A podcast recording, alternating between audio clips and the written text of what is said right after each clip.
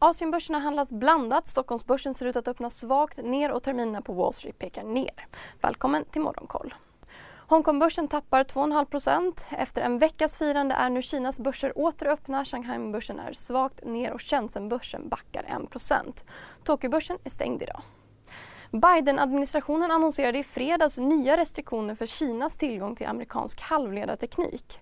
Restriktionerna syftar till att stoppa Pekings försök att utveckla en egen chipindustri och utöka landets militära kapacitet. Kinas största chiptillverkarbolag faller idag. SMICs aktie backade inledningsvis över 5% för att sedan återhämta sig något och är nu ner 3 så har vi fått in kinesisk tjänste-PMI som sjönk till 49,3 i september jämfört med 55 i augusti. Det är fortsatta geopolitiska spänningar efter att Rysslands president Vladimir Putin beskyller Ukraina för explosionen på Kertjbron och hävdar att det rör sig om en terroristattack. Vi går över till USA där börserna avslutade veckans sista handelsdag med kraftiga nedgångar efter de amerikanska jobbsiffrorna som kom in starkare än väntat och visade att arbetslösheten fortsatte att minska vilket sannolikt stärker Feds hökaktiga bana. De amerikanska långräntorna stiger och tioåringen står nu i 3,9 procent. En dollar handlas för 11 kronor och 22 öre. På bolagsfronten hade Teslas aktie sin värsta vecka sedan pandemin bröt ut och har nu rasat 16 procent sedan månadsskiftet. Förra veckan beslutade ju OPEC plus-länderna att minska oljeproduktionen med 2 miljoner fat om dagen. USAs finansminister Janet Yellen anser att OPEC plus beslut var oklokt och inte hjälpsamt för den globala ekonomin. Hej, Ulf Kristersson här. På många sätt är det en mörk tid vi lever i. Men nu tar vi ett stort steg för att göra Sverige till en tryggare och säkrare plats.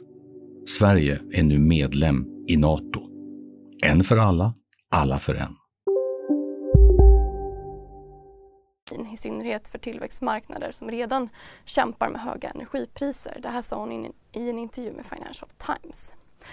Så över till Sverige. Nu under morgonen har SCB släppt sin boprisindikator som mäter förväntningar på bostadsmarknaden. Förväntningarna vänder upp något och ökar med fem enheter i oktober från minus 40 till minus 35.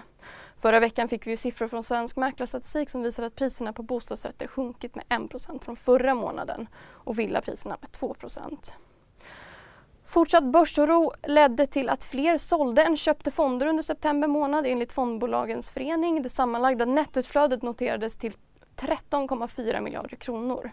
Hittills i år landar nettoutflödet från fonder på totalt 34,8 miljarder kronor. Fastighetsbolaget Bonova säljer sitt ryska dotterbolag för cirka 1,1 miljarder kronor. Köpare är Gee Group, ett ryskt fastighetsutvecklingsbolag som främst är verksamt i, verksamt i Kazan men även i Sankt Petersburg. First North-listade nanosatellitbolaget Gomspace stoppar allt arbete med ett stort kundprojekt på grund av obetalda fakturor och sänker därför sina försäljningsutsikter för det här året. Vad står på agendan idag då? Ja, kvart i tolv får vi reda på vem som tar emot Nobelpriset i ekonomi. En turkisk-armenisk nationalekonom är ett av tipsen.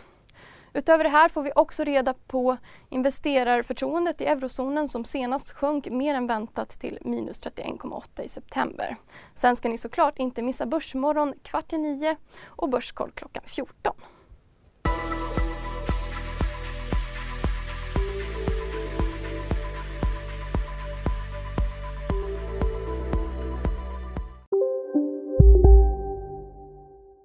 Har du också valt att bli egen? Då är det viktigt att skaffa en bra företagsförsäkring. Hos oss är alla småföretag stora och inga frågor för små. Swedeas företagsförsäkring är anpassad för mindre företag och täcker även sånt som din hemförsäkring inte täcker. Gå in på swedea.se företag och jämför själv. Expressen gör varje vecka podden Politikrummet där vi djupdyker i det senaste och viktigaste inom svensk politik. Med mig, Filippa Rogvall, som programledare tillsammans med mina vassa kollegor. Och det är ju ni som heter Thomas Nordenskjöld, Anette Holmqvist och Viktor Bartkron. Politikrummet kommer med ett nytt avsnitt varje tisdag. Vi hörs.